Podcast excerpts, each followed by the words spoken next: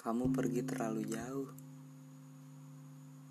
Nona, bajumu terlihat lesu.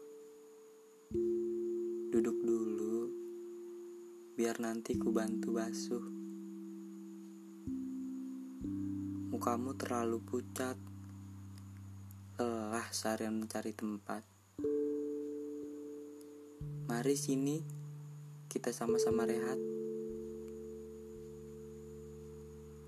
Pulang, Nona.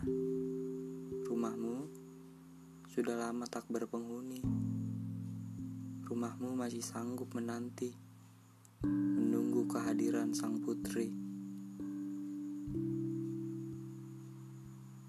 Pulang, biar nanti kusuguhkan cerita tentang apa pun selain sedihmu.